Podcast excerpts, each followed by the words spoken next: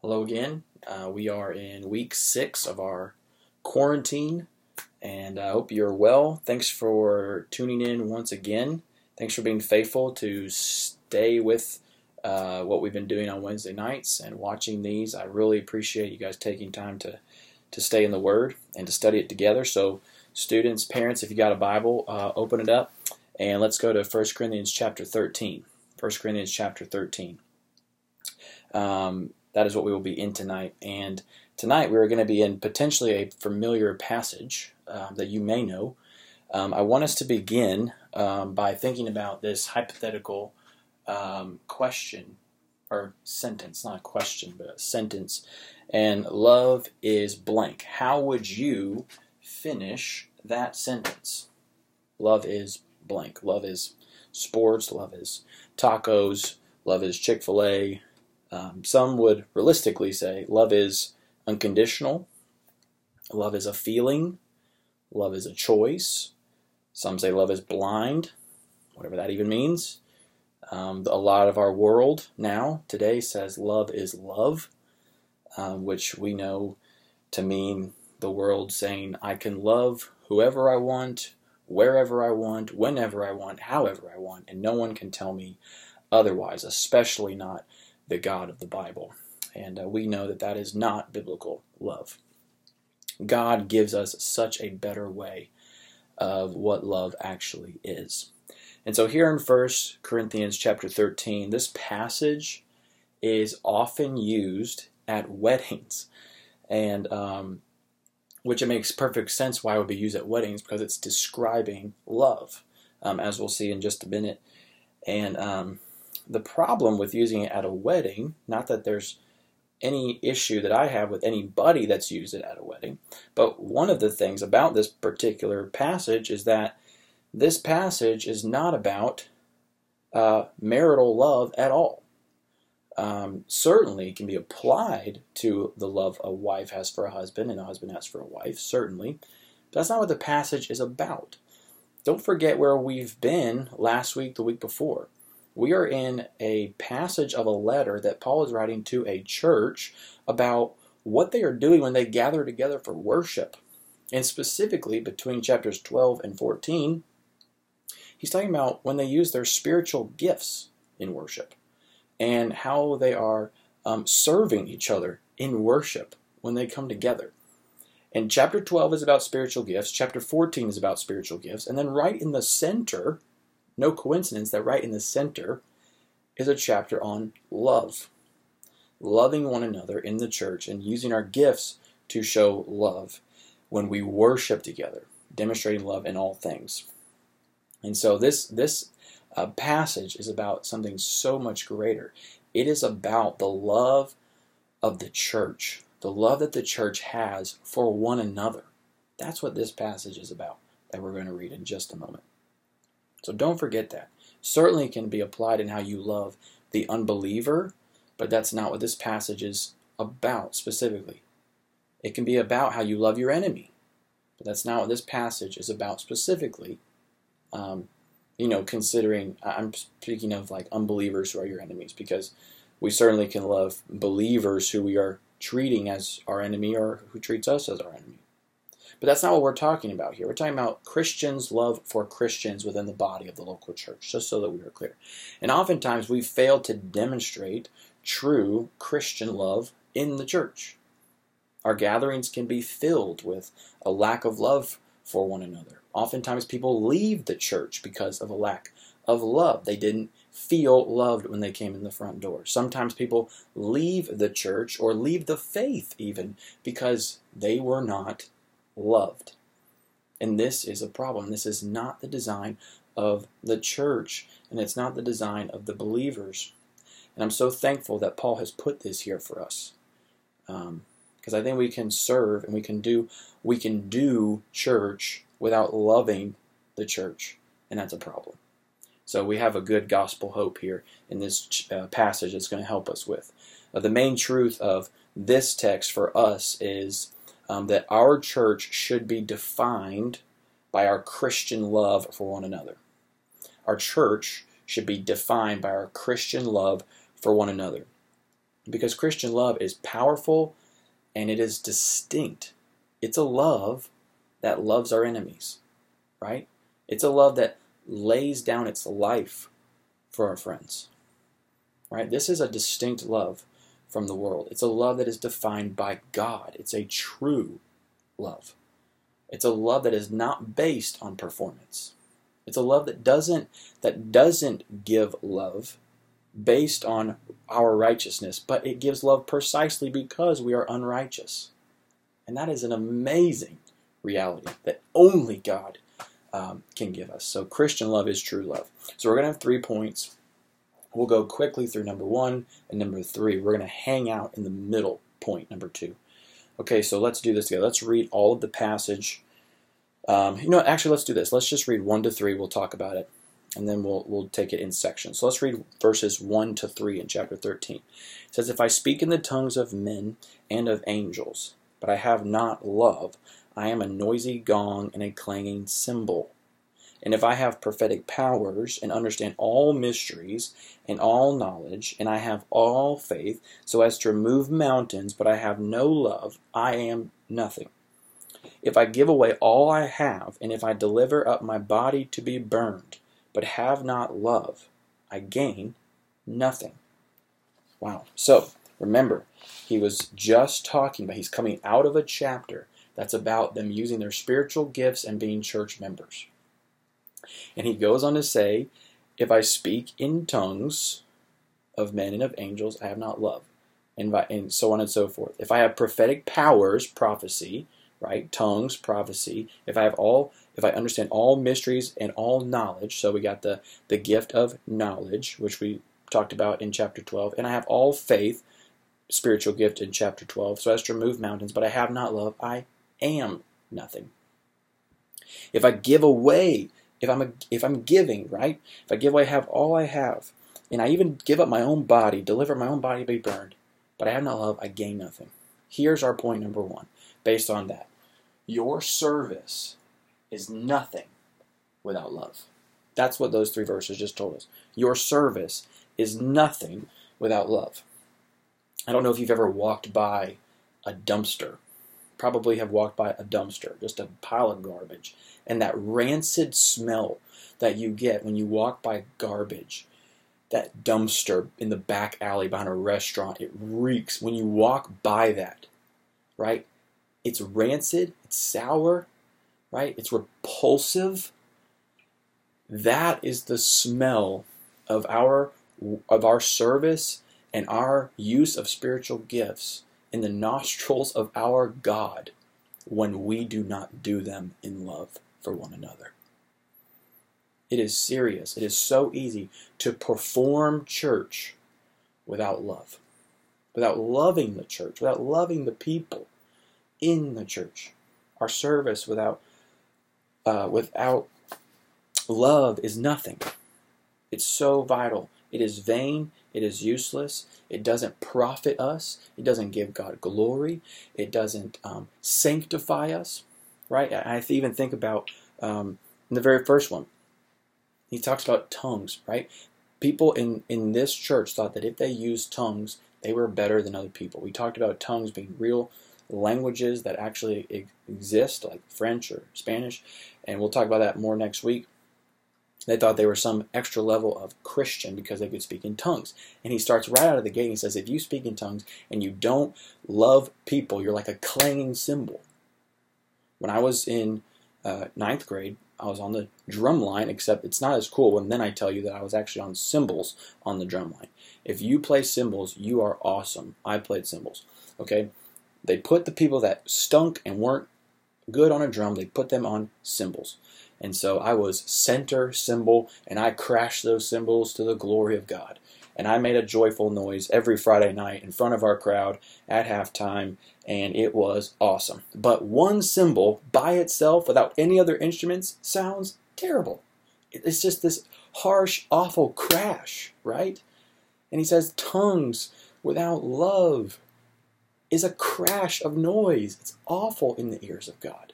It's God stuffs his ears when we do it to show off and not love and build up our brother. That's why they have to be real languages so that people can understand them and be strengthened. Okay? And then he moves on and he says, If I have all faith, but I don't have love, I'm nothing, right? Another use of the gift, right? So I can have all the knowledge in the world. Verse 2 I have all knowledge, right? And if I don't have love, I'm nothing. I can know this book inside and out. I can teach it. Literally, if I'm teaching you right now in this computer screen and I do not have love for you, what I'm doing is nothing for you or for me because I'm not loving you. Might be strengthened by it, but God knows my heart if I am not loving you. And He says, I am nothing without love. So praise God if it strengthens you, and if a message strengthens you, and a pastor is not loving you. That's the gracious goodness of God, right? Because His word is still true. But to the person who performed it, right? God says, I know your heart. It's like a clanging cymbal. It's not, you're nothing. You gain nothing. You have not glorified me. That makes me terrified.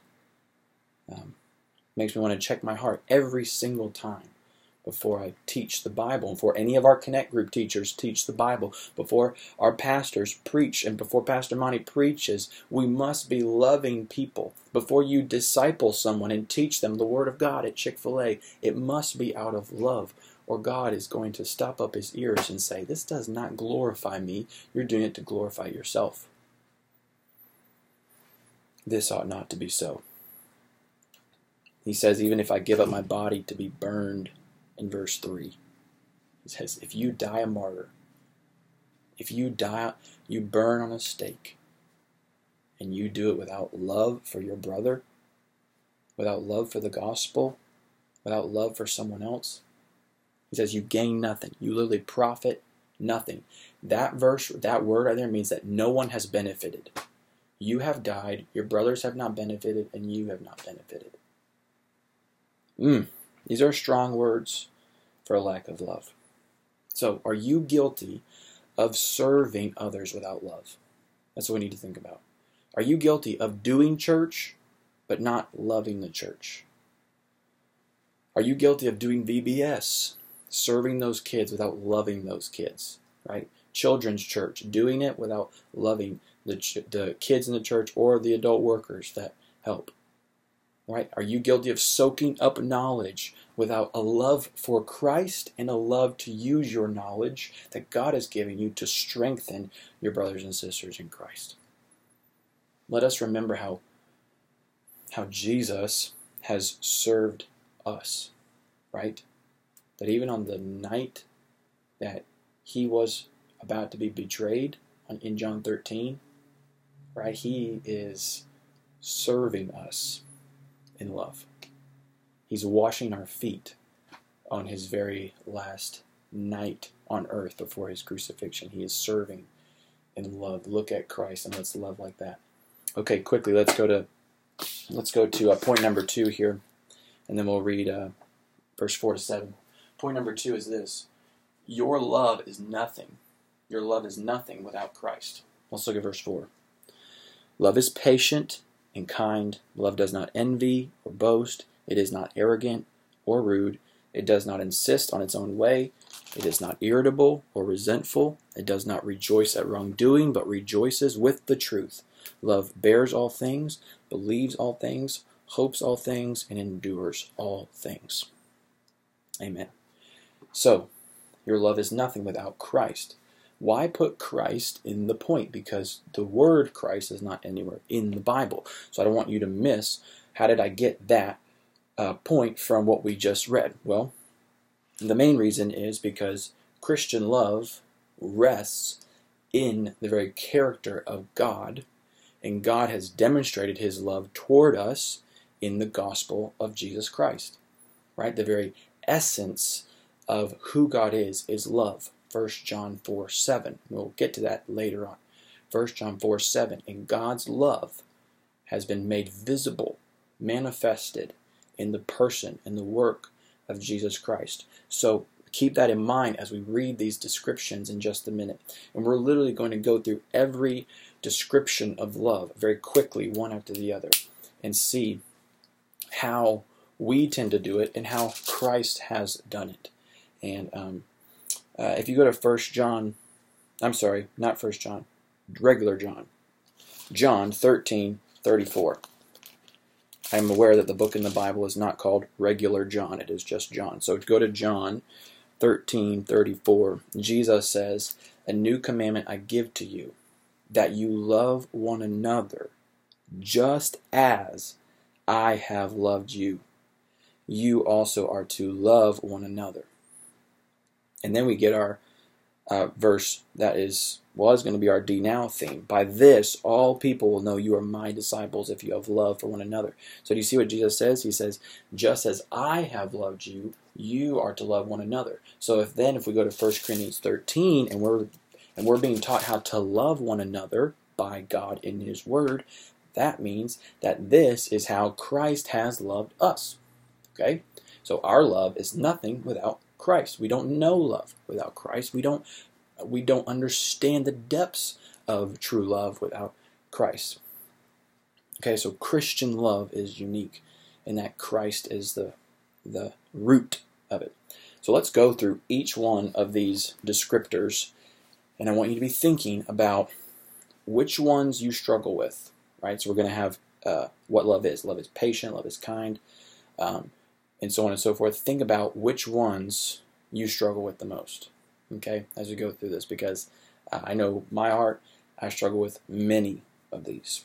Okay, so love is patient and kind. So, patient, okay? So, for us, when someone doesn't listen to us, right, we get very impatient, right? Um, when someone bothers us or annoys us, we grow impatient. We get quick, we get snarky, sarcastic, we explode, or harsh. And um, when someone crosses us, we're like, you know, hold my coffee. I'm going to punch this dude in the face, right? That's our fleshly tendency. We all feel that. And then we think about Christ. And when we rebel, Christ pursues us. When we don't listen, Christ goes after us. Christ goes after us. He gives grace. Look at 1 Timothy 1.15. 1 Timothy 115, Paul is describing his testimony. And look at what he says here. He says,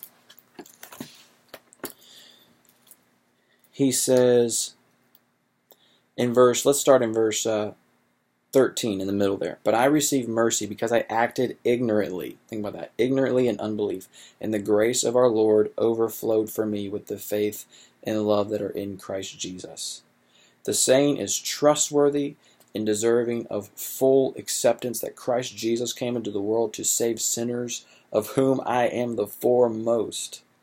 But I received mercy for this reason that in me, as the foremost, Christ Jesus might display his perfect patience. Perfect patience. Jesus, when Paul was a blasphemer and a murderer, God gave him patience and God saved him so that all people will see the patience of Christ. Right?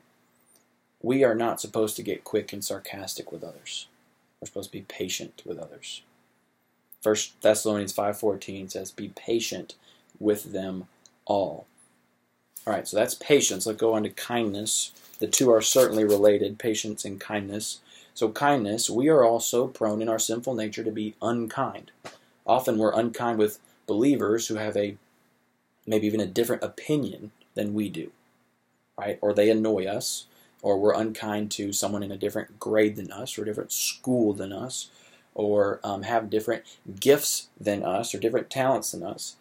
And with our words, we often reveal whether we are kind or not kind. And um, the words we choose to say can be unkind, right? And the way we say something um, can be unkind, right? The actions we demonstrate can be unkind. Um, kindness, the concept of kindness, um, is often associated with being good towards someone, even though they don't deserve it, and being gentle, Okay, so kindness and gentleness, even when people do not deserve it. And um, I kind of think of kindness like, um, I hope this makes sense, but I think of kindness as specifically in, in words. If someone were to ask for a knife, like not like a, in a threatening way, just like in your kitchen, you ask for a knife, and the person who goes to give you the knife um, holds it like this and hands it to you and lunges at you like this. Okay? If they lunge at you like that, what are you going to do? You're going to jump back and you're going to go, whoa, what the heck? Like, like what are you doing? And um, it's going to startle you. You might get, you might seem like you're getting uh, defensive, right? But the problem was that the person should have handed you the knife in a way that was slow, open handed, and said, or maybe with the handle at you, and said, hey, here you go. And that way you can gently take and receive the knife. I think of words like that. Oftentimes, um, when we're not kind, we can say something and it's just in like a lunging way or a stabbing way, in a penetrating way um, to someone. And it can startle people. It can make people feel unloved. They can react in a way that seems um, like defensive or jumpy. And in reality, it was because of our unkindness towards them initially. We lunged instead of slow to speak and gently approaching them with kindness in our words and in our tone. So, kindness. God's kindness is demonstrated toward us to lead us to repentance. Romans 2 4. He is good to us when we do not deserve it. So, patience, kindness. What is the who is the last person that you were impatient to and unkind to? Think about that. Are you patient to your friends who act like a fool? Right? Are you patient and kind to those who bother you or disagree with you, both in your words and your tone and your actions? Right? Let's not explode like sinners who do not know God.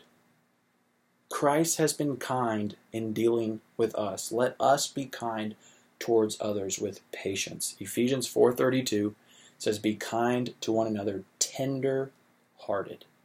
Let that be what defines us. Okay. Envy. It says love is does not envy in verse 4. Envy is the word for jealous, right? So we are so quick to envy or be jealous over how God is using someone or the gifts he's given to someone, right? And we tend to not be able to celebrate them or rejoice with them because we're jealous. And so we actually feel we need to tear them down. And um, that destroys them. And Christ says that love doesn't tear down, love builds up. 1 Corinthians 8 1. So that's envy. And then love does not boast. Verse 4, next word. Uh, boasting is the word for bragging, right? High schoolers, we get the concept of bragging, very much so. And so do adults, and so do middle schoolers. Um, we love to talk about ourselves. We love to lift up ourselves. And in fact, jealousy feeds bragging because when we tend to um, get jealous of what other people have or are being used by God to do, we want to then elevate ourselves. And so we'll brag and we'll talk about our accomplishments and how awesome we are. Um, our athletic ability, that we got the lead in the play, that we're the solo in the choir, and on and on we go here. Um, it's like one upping each other. Um, we love to one up each other, don't we? Um, if you know what I'm talking about, it's the idea though, when someone says, um, hey, this summer I finally went to Disney World for the first time. And you reply back, Disney World, I've been there like 10 times. And you see what you've done? Instead of celebrating something joyful for them, all you've done is cut their joy with a knife and destroyed them to brag about your Disney accomplishments, right? This is this is bragging. It's not loving. And Christ, so now let's look at Christ. Uh, Christ is God, and he does not use his godness, his deity, to his own advantage. He never uses it out of selfishness. Philippians 2 6 says that he emptied himself, became a form of a servant. And um, this is the way that Christ, who is God, demonstrates love toward us. We ought to do the same thing. Because when we're in Christ, we don't have to prove ourselves by bragging. We have nothing to prove when we're in Christ. You've already been approved by God. Right? And so Let those who boast boast only in the Lord. 1 Corinthians 131. Right? Christ is our wisdom. Christ is our righteousness. Christ is our sanctification. Christ is everything. We have nothing to prove. We're not better than anyone else, so we don't need to brag, right? Let's just boast in the Lord. Our our creakers, right? Our creakers should be defined by boasting in the Lord and not in ourselves, because um, because we have nothing to prove. I realize that as I'm uh, teaching you about bragging, I'm wearing a shirt that says "Best Dad Ever." I am uh, aware of that, and I just need to set the record straight that I did not buy this shirt for myself. Okay, so um, I'm not bragging. However, my kids did buy this shirt for me, and so to them, I am the best dad ever. So I'm going to just let that go. But I just need to clear that up. And uh, let's keep going, shall we? Um, arrogant. So it says, love is not arrogant. This is the end of verse four. So this is the idea of being puffed up. Uh, we, I think I know, we know what arrogant uh, is. We love to think about ourselves. So bragging is using your mouth to speak speak highly of yourself. Arrogant is your attitude about yourself. We love to think about ourselves so high. We're so prideful by sinful, our own sinful nature, and we tend to look down on others. Um, we look down on others because they haven't been a member here as long as us. We look down on others because they aren't being used like us. We look down on others because they're not as holy as us, or they're not going on mission trips like us, or they don't know scripture like us. And we're so arrogant. That's not loving. And in Christ, this is what Christ does. All Jesus desires to do when he's walking the earth is glorify the Father, not himself. In fact, John 17, 1, he says, Father, glorify your Son, that the Son may glorify you. This is what Christ does. He glorifies the Father. So let us have the attitude of Christ. Let's have the attitude of, of John 3:30. May he increase, may I decrease. Love is not rude in verse 5. We are often rude. We don't show honor, we don't show respect, is what this kind of means. We speak with disgust sometimes of other believers. We act inappropriately or disrespectfully towards our parents, our pastors, our teachers, uh, maybe some some person who has wronged us in the church. We can just be so rude and, and harsh and disrespectful. And um, we're often rude just by simply not paying attention to someone when they're speaking. Maybe your connect group teacher, maybe the pastor, maybe one of your teachers at school. When you're on your phone, when you're being instructed, you're being rude and you're sinning, and love is not rude. When you're lazy, when you're called to be helping and serving, that's being rude. Um, we're all we are all prone to do this. We're all prone to do this. And Christ, however, when he was treated um, disrespectfully, let's just say, um, when the rich young ruler comes up to him in Mark chapter 10, and he says, Teacher, what must I do to inherit eternal life? And Jesus tells him, Well, okay, well, well, uh, you know the Ten Commandments. You shall not murder, you shall not commit adultery, and on and on he goes about Ten Commandments. And the rich young ruler looks back and says, Yeah, I've kept all those. What's next? and Jesus, instead of going, Oh, you think you're a big shot, instead of being disrespectful back, in Mark ten twenty one, fascinating verse, it says, Jesus looked at him and loved him.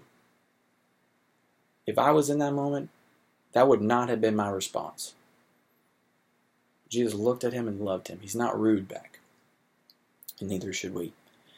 Love does not insist on its own way, verse 5. It does not insist on its own way. This one needs no explanation. We are so selfish and we all want our own way. We want our desires to be met at church. We want church to operate on our terms. We want to cater to our song selection, our donut preference, our sermon length, our mission trip location, our camp location, our DNOW speaker. And I want you to repeat after me. It's not about me. It's not about me. Life is not about you. The Bible is not about you. The church is not about you. All of those things are about God and the glory of God through Jesus Christ. It's not about me. Let's get around this and be freed by it. This hangs on our house rules in the refuge. It's not about me. We can be freed by this. Christ comes not to be served, but to serve and to give his life as a ransom for many. When it's not about us, we're freed up to serve in love to God and to others. Irritable. Love is not irritable. Verse 5. Irritable is a word for easily frustrated, easily angered, easily bothered. And so it's saying love is not easily frustrated. Uh, we are so quick to get angry, are we not? We're so easily frustrated. Um, one of the reasons we are so easily frustrated, I think, is because we take things personally as sinners. Um, so many of us, uh, when we hear a different opinion that goes against our own, uh, we snap as if the person has attacked us. And they haven't even mentioned us. And we, we take it personal, what was never meant to be personal. Um, and this, this should not define the church. Um, if we are perfectionists and we're very particular, right, we can be so prone to irritability because things aren't exactly right, and so we'll get upset so quickly when things are not, when things are imperfect, and we need to rest in the imperfections. We need to rest in the grace. We need to rest in the broken pieces, and um, know that that this is how Christ loves us, right? You do not have to respond to every opinion about the coronavirus or about politics, right? This is not the way of Christ in Christ, in uh, Christ says in Matthew 10, 14, he says, If anyone does not receive you or listen to you, shake off the dust from your feet. Matthew 10, 14. In John 15, 18, he says, If the world hates you, taking it personally, know that it hated me before it hated you. Right? So let's be quick to hear, slow to speak, slow to become angry and frustrated. James 1.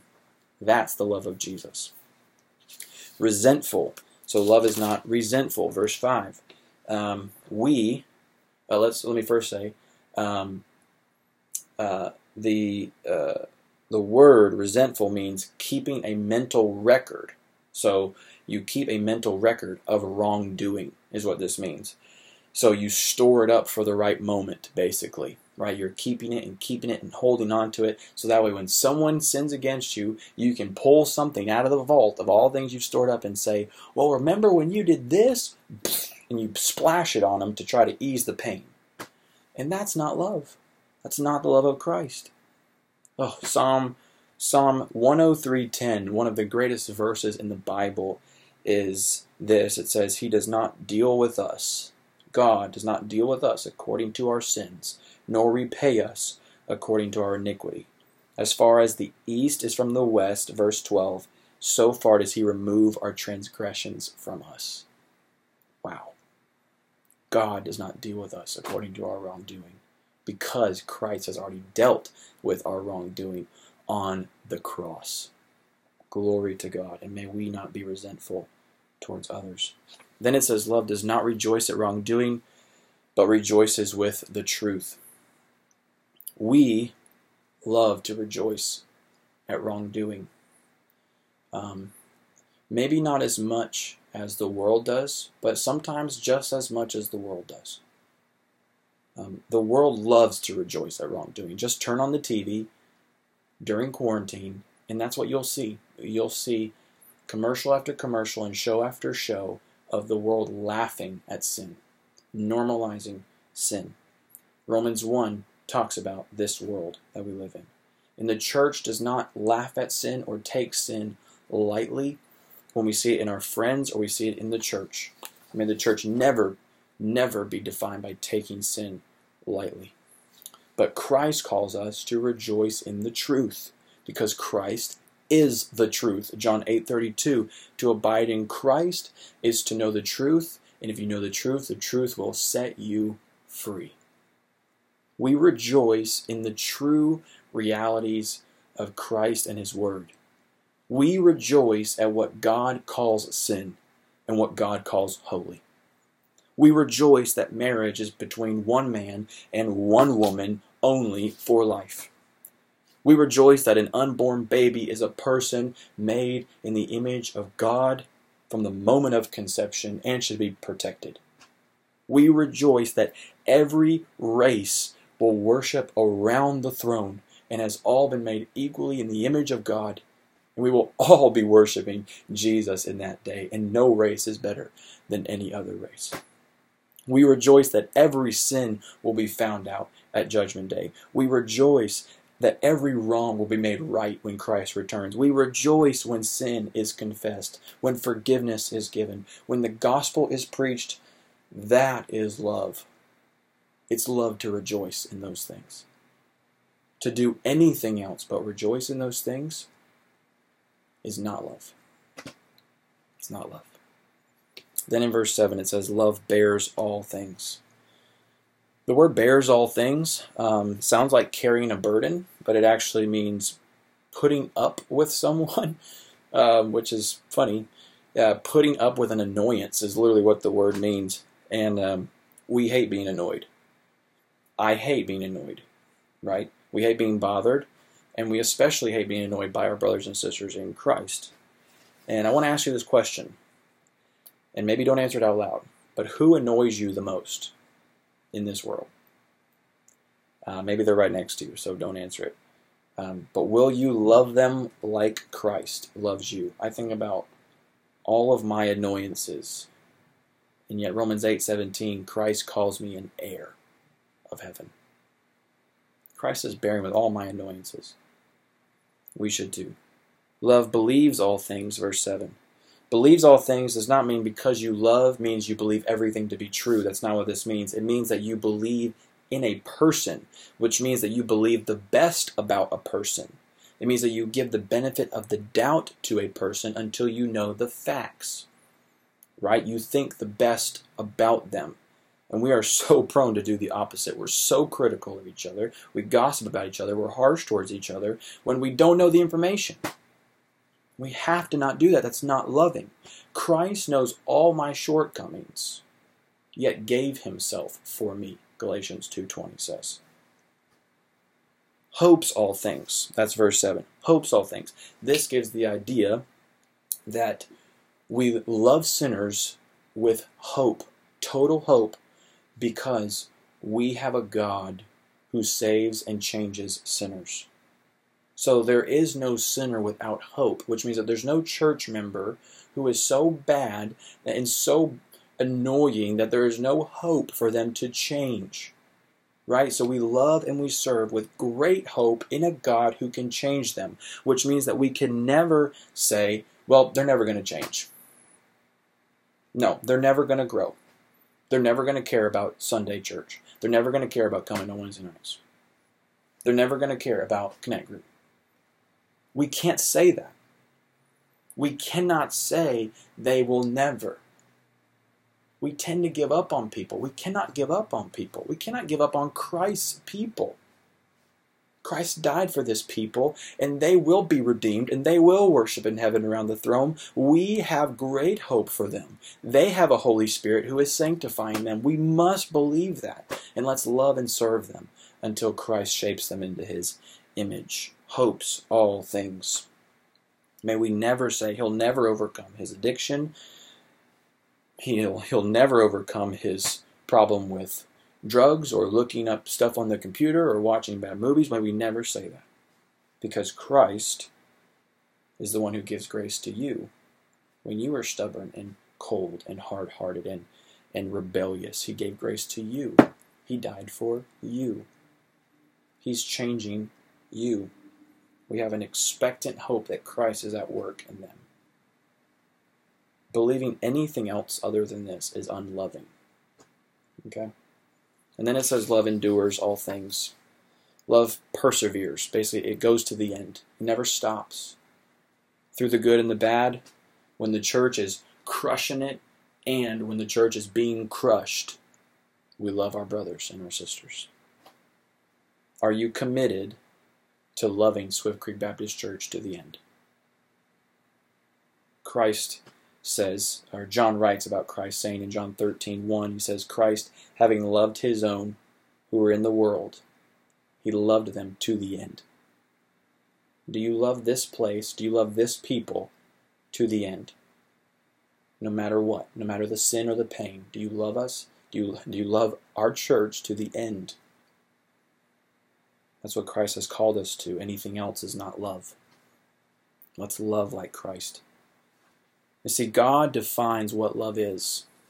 So I want you to quickly go to 1 John chapter 4, verse 7. Chapter 4, verse 7. 1 John chapter 4 verse 7 says, "Beloved, let us love one another, for love is from God. Whoever whoever love has been born of God and knows God. Anyone who does not love does not know God, because God is love." In this the love of God was made manifest among us that God sent his only son into the world so that we might live through him. In this is love, not that we loved God, but that he loved us and sent his Son to be the propitiation for our sins. Beloved, if God so loved us, we also ought to love one another. God defines love.